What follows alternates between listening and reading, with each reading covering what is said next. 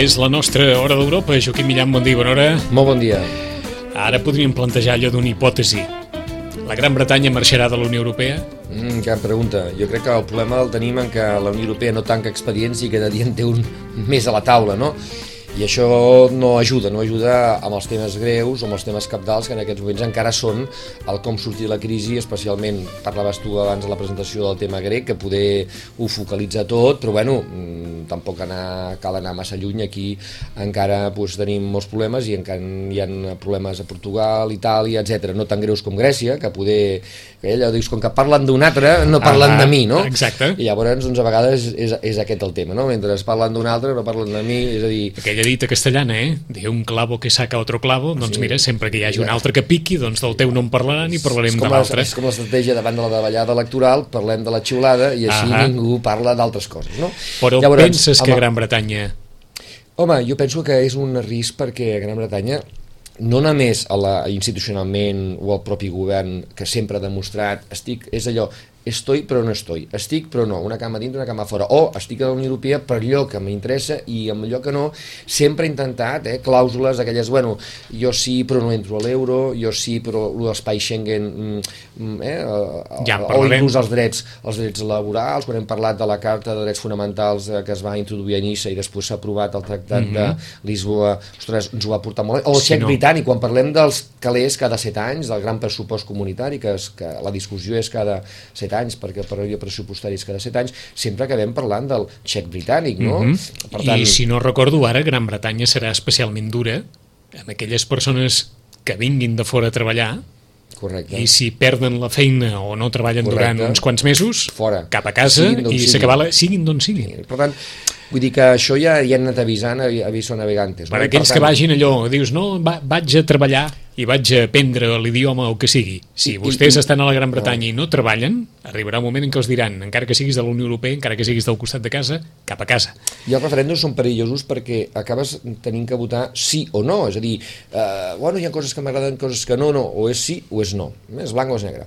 Per tant, institucionalment sempre hem vist la Gran Bretanya com una, un, un país dels estats membres de la Unió Europea que no ha estat massa proeuropeista, i això ens consta a tots, no, és un, no descobrim res, però també és veritat que la societat britànica és així. És, a vegades ens passa que dius el govern diu una cosa, però bueno, igual si féssim un referèndum la gent pensaria no exactament o diferent. No, no, aquí eh, eh, el perill és que si hi ha un referèndum mm, jo penso que sortirà que no. Mm -hmm. Penses que sortirà penso, que no, eh? En aquests moments penso que sortirà que no, s'haurà de fer pedagogia, perquè la pedagogia que es fa allà sempre és dir això de la Unió Europea, ai, ai, ai, ui, ui, ui, no ho veuen clar. Eh? Albert Balada, bon dia, bona hora. Hola, molt bon dia. Sí, és que això de conduir per la dreta havia de passar, algun moment havia de, havia de passar comptes d'alguna forma o una altra, eh? A veure, el raro som nosaltres, eh? Ah, Perquè sempre, això? sempre s'ha conduït per la dreta. El passa que nosaltres ho vam canviar.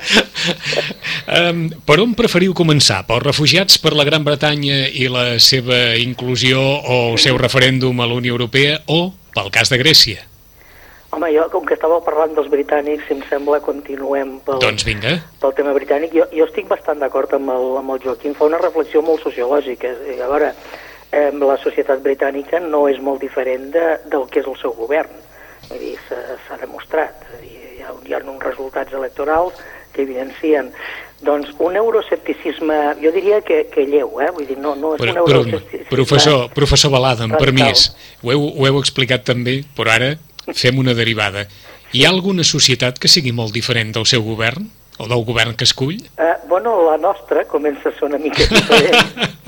eh, bueno, hi ha, hi, ha, hi ha tot un seguit de, de moviments que veurem com, com acaben, no? Diguem que estan reestructurant el que era el, el model de, de, de partits de govern Entesos. de la transició. Entesos. Però tornant a les Illes Britàniques, sí. els britànics han votat literalment a, a la seva manera de ser.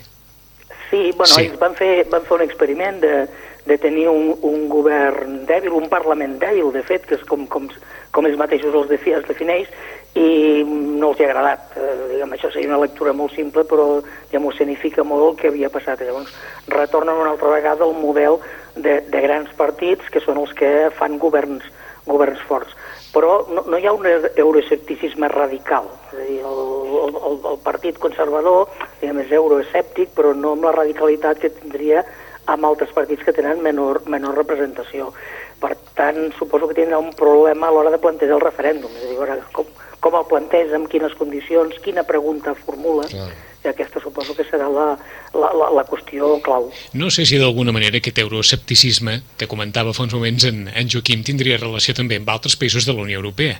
Per allò que em va bé, doncs mira, jo sóc molt europeista, per aquelles coses que no em van bé, doncs deixem-ho córrer i, i mirem-nos al malic i mirem-nos cap a casa.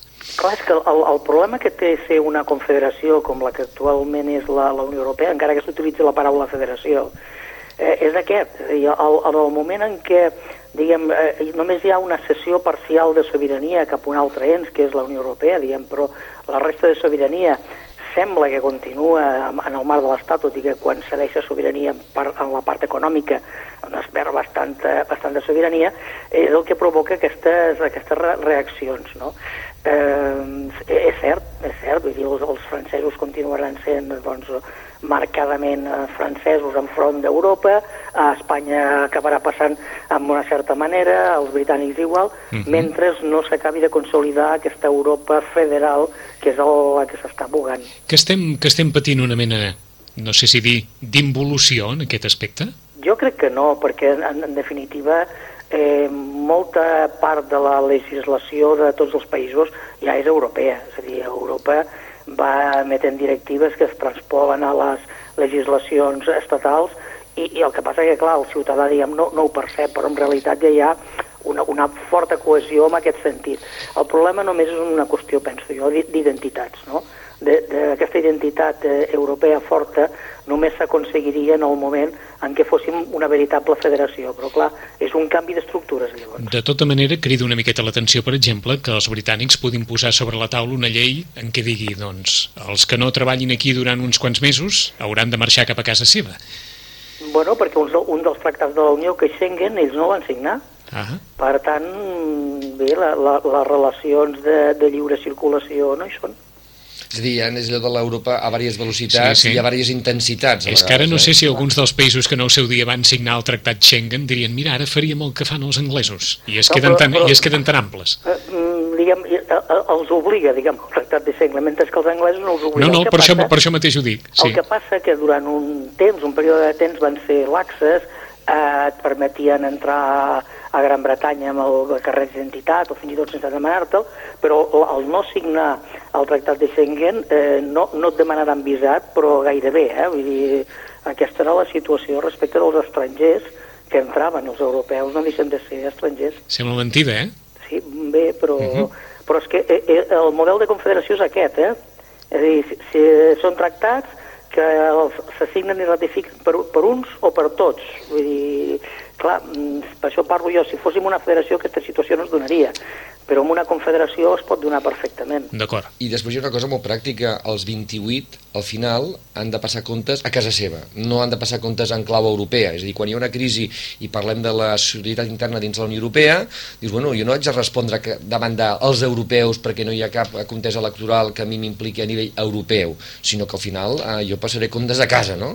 Llavors, aquí és quan la solidaritat eh, europea eh, queda a la taula, però tothom la interpreta com vol, no? perquè al final té uns interessos cadascú els seus, no? I, i tornant a l'inici, en Joaquim Millan ens deia home, tal com estan les coses i tal com són els britànics o els anglesos, ara per ara veig més fora de la Unió Europea, a Gran Bretanya, que no pas dins.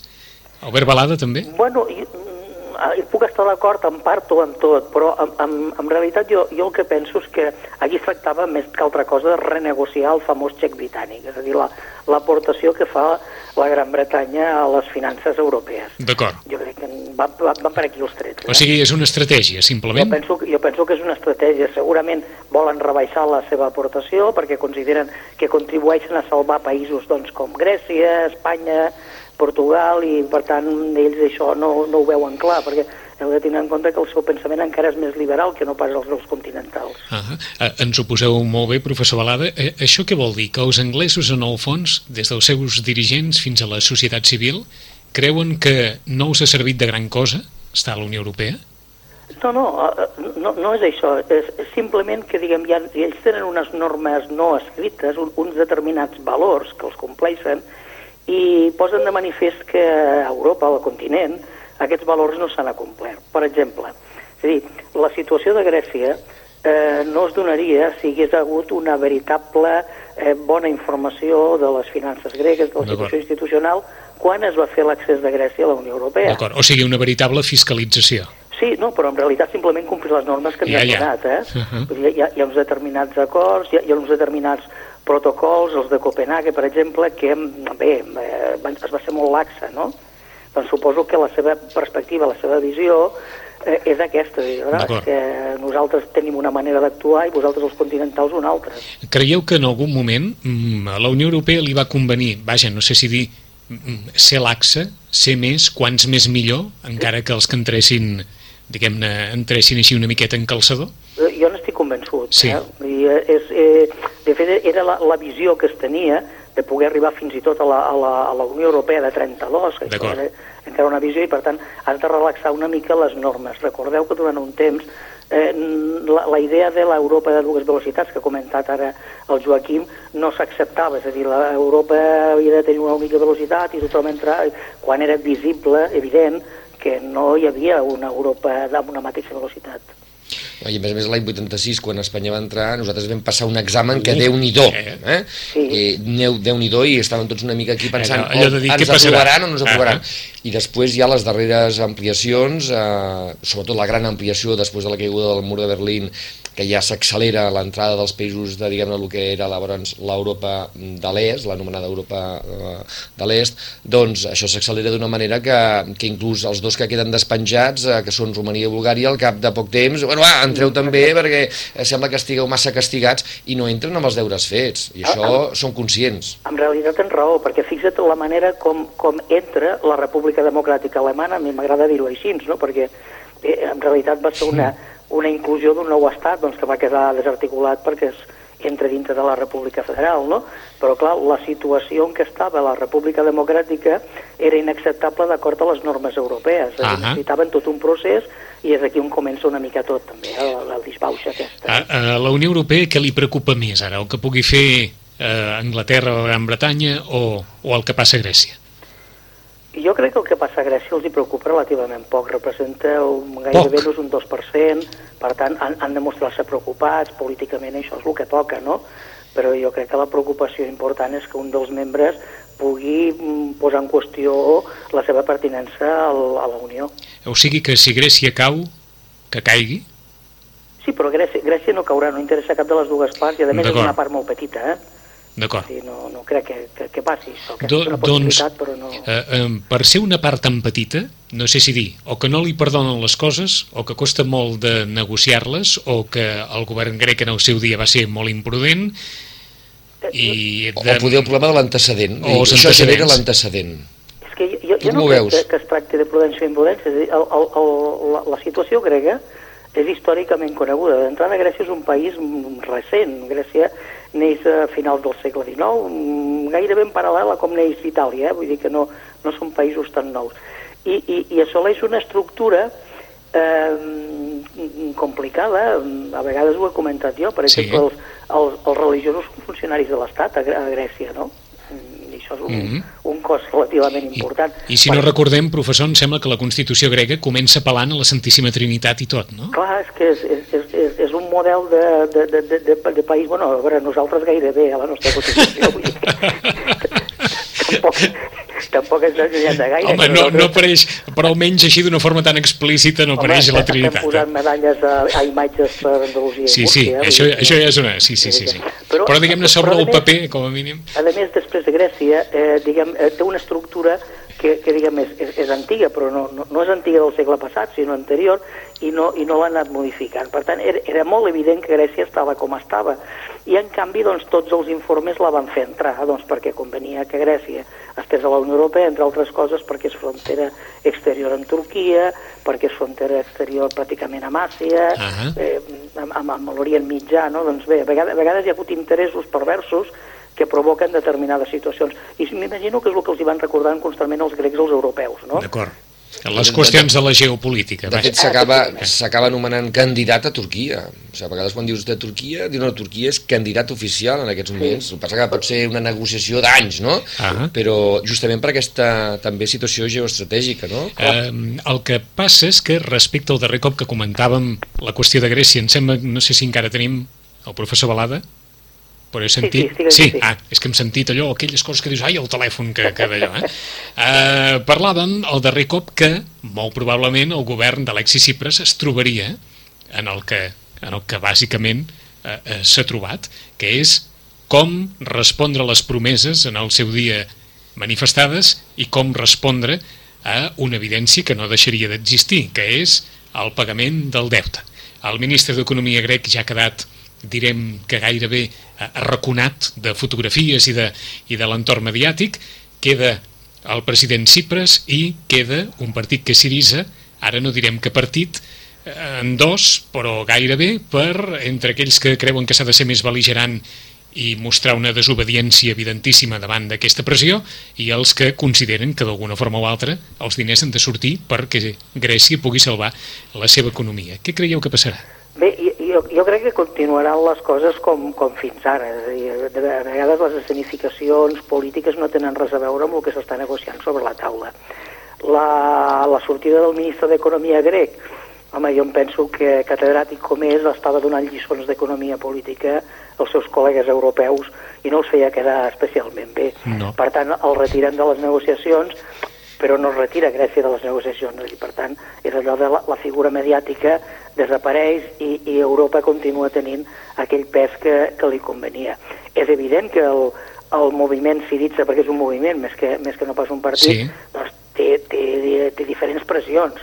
És a dir, la, la, la pressió de la realitat, perquè un, un cop assoleixes un govern tens unes realitats que eren diferents a les que tenies o les percebies abans d'entrar al govern, i els que doncs, estan eh, quadrats amb el de dir, escolta'm, això és culpa tota d'Europa i per tant eh, nosaltres no hem, no hem de negociar la deuta grega, hem de fer una quita, bueno, hi ha, hi ha gent que es menteixin. Jo crec que de totes maneres hi haurà un, un procés racional, fins i tot fixeu-vos que hi va haver una ampliació del període, jo crec que hi haurà una segona ampliació del període, ahir anunciava el primer ministre eh, doncs, un seguit de mesures a aplicar, és que en realitat Europa, eh, els, els estats, el que els hi diu és que han d'aplicar mesures, però no van tan al detall com ens sembla que van a l'hora de l'aplicació de mesures. Per tant, és una mica la, la voluntat de cada govern d'aplicar determinades mesures. Per tant, l'excusa aquesta d'Europa ens ha dit que retallem per aquí, que retallem per allà, no és cert.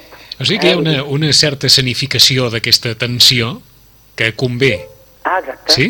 Exacte. De, de, molta, és que moltes vegades, a més, li salva la papeleta al polític de torn. Eh? D'acord, encara que en clau, en clau local els grecs puguin, no sé si dir, que començar-se a tensionar davant el paper d'aquell moviment al qual van votar d'una forma massiva? És que, en, en realitat, aquell moviment, com els moviments que han sorgit també aquí a Espanya i a Catalunya, respon a, a, un, a un concepte que tots els ciutadans tenen, i és que el model mm, comença a no servir. Eh, o sigui, no justifico la seva existència, però en canvi sí que eh, responen a, a, a aquesta percepció mm -hmm. general. M'imagino que encara no tenen ben, ben bé clar cap on van tots aquests moviments, ni, ni tan sols el decidir-se, no? però responia de dir aquí està passant alguna cosa que té que veure amb el sistema. El sistema no, no, no, no, ens, està, no ens està agradant. Jo utilitzo mm -hmm. a vegades l'expressió ha caducat el sistema, no?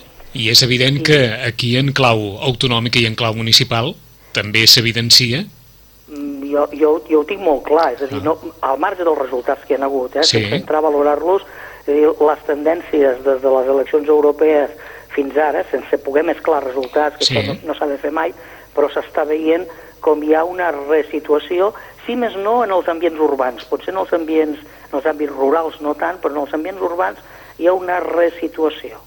Això és el que estic jo percebent. Ah, això també arribarà a Europa, molt probablement, no? Bueno, va començar ja les eleccions europees del 2014 el fet de que tinguessin, doncs, amb el cas espanyol, no?, que Podemos assolís eh, 5 diputats, UPyD n'assolís 4, eh, Ciutadans mateix n'assolís 2, estava plantejant que eh, l'ambient espanyol estava passant alguna cosa. Uh -huh. Potser és lleu, potser no és, no és per, diguem, fer un canvi del model de dos grans partits, però alguna cosa està passant, s'està movent un substrat, no? Uh -huh. Les eleccions municipals a, a, les, a les grans zones urbanes ens han demostrat que això està passant. Està clar. Eh, no sé si és, o, o, o si hi ha alguna altra manera d'abordar-ho, però això de parlar de les quotes, de les quotes de refugiats, de les quotes, fa, fa una mica Clar, és que el, el problema és que el, el tema de, de la immigració a Europa no l'ha abordat mai. D'acord. Eh, no, no, no, no, no tenim una política europea d'entrada perquè no és, una, no és una transferència feta pels estats a, a Europa, no? Sigui, de, potser de, de, de refilón podríem dir-ne sí que es toca el tema migratori, però molt poc, és a dir, continua sent competència de cada estat. Per tant, mm, aquesta era una de les competències que calia abordar eh, en un marc europeu. Clar, ara mm, això no deixa de ser un pegat, perquè aquí ens garanteix que no hi continuarà havent afluència d'immigració uh -huh. subsahariana, nord-africana, degut a la situació doncs, mm, política i econòmica que viu aquell continent. Vull dir, és, és, és inevitable. Per tant, en el moment en què s'estigui, eh, per un costat, obrint l'espita doncs, a, a veure, ei, anem cap allà perquè a més ens reben i a més ens donen estatus de refugiat, és perillosíssim i a sobre no tens polítiques. Aquesta és l'altra qüestió. No? Perquè, esclar, mentre nosaltres estem parlant, a Lampedusa deu continuar arribant gent Clar, vull dir, va, va, és que, van, van, sense van parar, marge, sense parar, sense parar. Clar, és que diguem, la vida va al marge de, de lo que es vagi legislant els estats. Està clar. Per tant, mm, tu pots obrir, doncs mira, ara fem un repartiment de refugiats, no sé què, però, bueno, però a banda d'això, que, que està bé, vull dir, veure, són, són éssers humans, per tant, els has de prestar la, la teva solidaritat, però vull dir, potser que establissis unes determinades polítiques migratòries, unes polítiques de fronteres, una, una política coherent d'ajuda solidària, al tercer món no m'agrada utilitzar l'expressió, però bueno, perquè tothom ens entengui, no? d'ajuda al tercer món, eh, tornar una mica a aquella radicalitat de presència europea quan se va crear la figura del ministre d'Assumptes Exteriors, doncs que ara queda com el país vegada, que sembla que Europa no existeix en el món. Bé, mm, doncs aquest tipus de coses al marge, diguem, de l'ajuda que puguis prestar a aquesta gent doncs, que t'arriba a Lampedusa o que t'arriba a Ceuta i Melilla. Mm -hmm. El que és evident és que, malgrat totes les circumstàncies, no sabem si per proximitat o no, que probablement també, Europa és vista com, com una com una terra de futur, no? Clar, és que, és que teniu en compte que si alguna cosa tenen aquests països és que eh, reben, reben la senyal de televisió. Per tant, eh, veuen que nosaltres, vull dir, pels anuncis i les pel·lícules i les sèries que fem i els informatius, que nosaltres vivim substancialment. Bé, de fet és així, vivim vivim força bé, malgrat els problemes i malgrat les crisis que hi hagi. No? I més partint del seu context, no? dels països sí, d'origen. En, en realitat, eh, jo crec que tenen una percepció errònia perquè possiblement siguin molt més feliços de vegades ells que no pas nosaltres. Correcte, la bona, pre és una altra cosa. Bona precisió també aquesta. Però clar, teniu en compte que, que a, a vegades la felicitat es mesura per la capacitat de tenir la capacitat de tenir mm -hmm. un cotxe, de tenir una casa, sí, sí. de tenir... O millor però... dit, la majoria de vegades en, en, ens hem acabat creient que es mesura d'aquesta forma. Sí, el que passa que de, de, fem, si fem la valoració de que en realitat no ho tenim perquè tot ho tenim hipotecat i a crèdit, sí, sí. ens donem compte que no tenim res. Sí, sí. Ara, ells sí que poden dir en molts casos que veritablement no tenen res, en el sentit de sí, res. Però, però fixeu-vos, segurament eh, tenen molt més cost venint, perquè clar, eh, estan nodrint amb unes màfies que els estan cobrant doncs, uns diners eh, molt importants, amb el que queda hipotecada tota la seva família allà, per tant, amb, amb diners que possiblement viurien dos i tres generacions. Uh -huh. Està clar. Per nosaltres, doncs, a lo millor 1.500 euros o 3.000 euros pot representar una mica, però no gaire, però clar, per amb ells són hipotecar tres generacions, no? A Europa li costarà ara construir una, una política a l'entorn d'aquesta qüestió tal com està ara això? Jo crec que, que Europa, ho, ho parlàvem recentment amb en, amb en Javier Ferrer, el president del Consell Català del Moviment Europeu. Europa només actua a partir de bufetades. És dir, quan la crisi econòmica va ser tan punyent que ja no es podia evitar, va ser quan van intervenir en matèria econòmica, en matèria bancària, doncs ara passa el mateix en matèria migratòria. No els hi quedarà més remei que a partir de la bufetada que estan rebent perquè ells legislin el que legislin continuaran tenint arribada de gent no els hi quedarà més que fer alguna cosa més enllà de la legislació, és a dir, establir polítiques O sigui que no valdrà, no valdrà la pena allò de dir i seran a temps, perquè hi siguin a temps o no hi siguin a temps, ho hauran de fer. No, perquè això és inevitable, és el, que, el que dèieu fa un moment. Uh -huh. A Lampedusa continuaran arribant gent, a Ceuta i Melilla continuarà arribant gent, hi ha, hi ha els problemes de la zona que tenim siriana, eh, Iraq, que tota aquesta gent està venint cap aquí, entrarà a través de Turquia, eh, i de Turquia cap a Europa, és que és inevitable. A, banda que Europa sempre ens dona la sensació, amb els temes que estem parlant, que acaba, per la seva manera de ser, eh, perquè és complicat arribar a conclusions en 28, etc. és sempre anem un pèl tard amb un món que va un pèl més ràpid, ràpid. no? I això jo crec que és una constant als darrers temps. No? Ara mateix, aquest tema que estem parlant, eh, igual dintre de tres minuts seguirem parlant, i haurà passat un any, i, i quan hagin pres la decisió dius, bueno, és que pff, hem arribat a base de bufetades, però tard. No? Ah. Tres quarts de deu ho deixem, però amb una pregunta final. Marxarem d'Europa, però ja que estem amb un politòleg, com segur que deu tenir curiositat, què, què passarà a Cuba? Professor Balada? Bueno, jo, jo crec que Cuba s'ha obert un, un procés lent, perquè diguem, que gairebé va una mica amb la, amb la idiosincràsia cubana, és a dir, no, no, no fem les coses ràpid, és a dir, cos personal, eh, no polític, no? Uh -huh. Anem en calma, però s'ha obert un procés de, de democratització, crec, eh, clara, eh, els hi costarà, perquè a més no, no, no tenen l'ideari l'ideari democràtic, potser nosaltres tampoc el tenim, eh? vull dir, tampoc parlem de paradigma democràtic, uh -huh. però s'aniran obrint, han entès claríssimament, després d'anys de, de, de patir-ho, que, el, que el model que ells havien sustentat, el model econòmic, allò no s'aguanta no s'aguanta per enlloc, canviaran el seu model productiu i el fet de relaxar aquestes relacions amb, amb Estats Units fonamentalment, doncs encara que no, no els hi aporti res, no cap benefici econòmic, simplement la, la no tensió, això afavorirà que hi hagi un, una recuperació del, del, del poble cubà o, del, o de l'estat cubà, jo estic, estic convençut. Doncs ens ha agradat també, encara que quedi fora del, de l'àmbit de, del programa, un apunt relacionat amb, bé, amb una terra que també ha tingut uns vincles enormes també sí, no, en, bona, en bona part d'Europa. Eh? No fa bastants anys que Està és clar. una província espanyola. Exacte, sí, sí. exacte, i que s'entreguin molts, vaja, s'entregui de tot. De tot, de tot. 10 i 47 minuts. Albert Balada, gràcies per estar aquí amb nosaltres. Us saludem Joaquim Miran. Gràcies, Albert. Fins la propera. Una abraçada. Fins la propera. Adéu-siau. Adéu.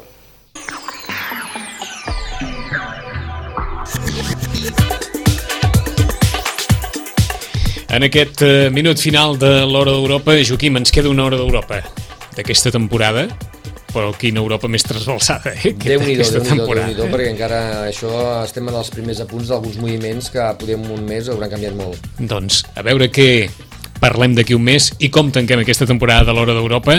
Joaquim, gràcies. Gràcies a vosaltres. Fins la propera. Fins Tornem la propera. de seguida.